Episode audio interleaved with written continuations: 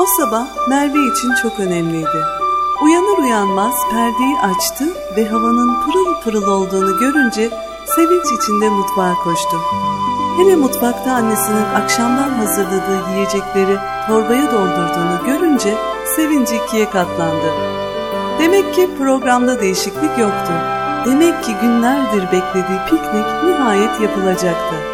Uzatmayın, alelacele bir kahvaltının ardından yola çıkıldı. Babası onları daha önce hiç gitmedikleri ormanlık bir yere götürüyordu. Merve yoldaki ağaçları seyrederken pikniğin havasına girmişti bile.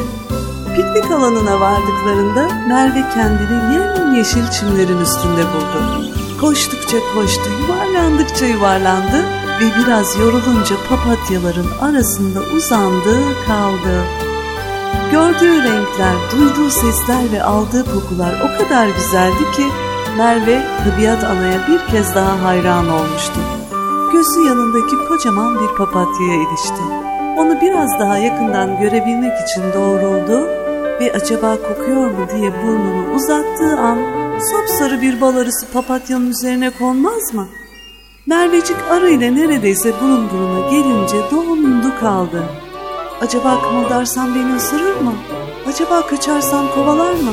diye düşünürken en iyisi ben şuna bir şarkı söyleyeyim. Belki hoşuna gider de beni ısırmaz dedi ve başladı.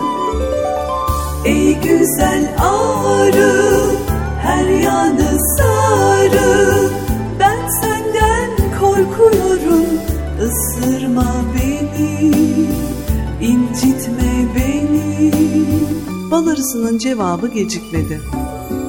Ey güzel çocuk gözleri boncuk sen beni korkutmazsan ısırmam seni incitmem seni Bunları duyunca Mervecik bir rahatladı ki sormayın.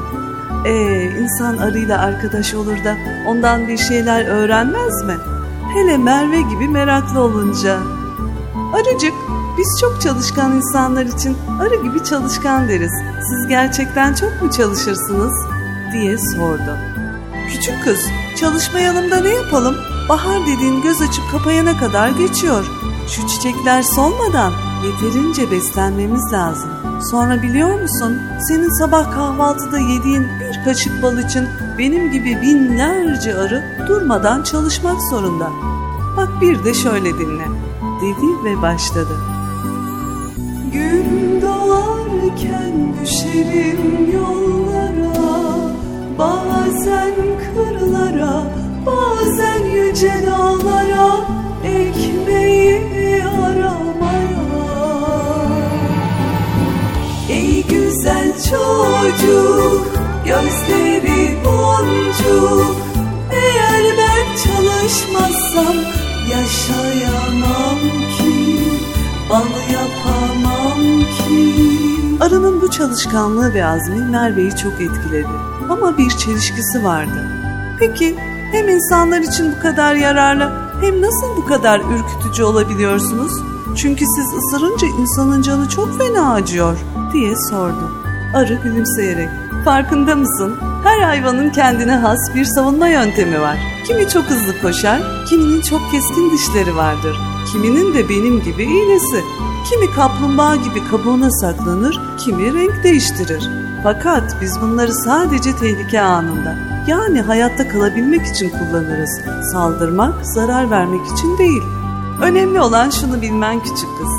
Hepimizin yaşam sahnesinde bir rolü vardır. Her canlı bu yaşam zincirinin bir halkasıdır. Allah her birimize farklı meziyetler bahşetmiştir. Ancak hepimizin ortak noktası nedir biliyor musun?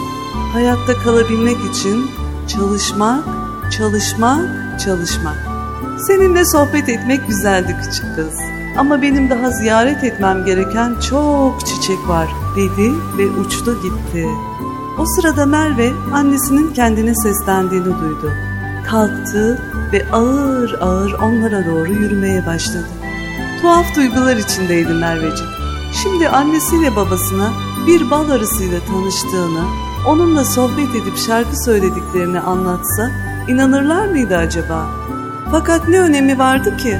Balarısı ona çok değerli bilgiler vermişti. Her canlının yaşamda bir rolü olduğunu ve her birinin hayatta kalabilmek için çok çalışmak zorunda olduğunu ve onlara zarar verilmediği takdirde insanla nasıl dost olabildiklerini anlamıştı bir kere. Önemli olan bu değil miydi? Eve gidene kadar o şarkıyı söyledi durdu. Ey güzel ağaç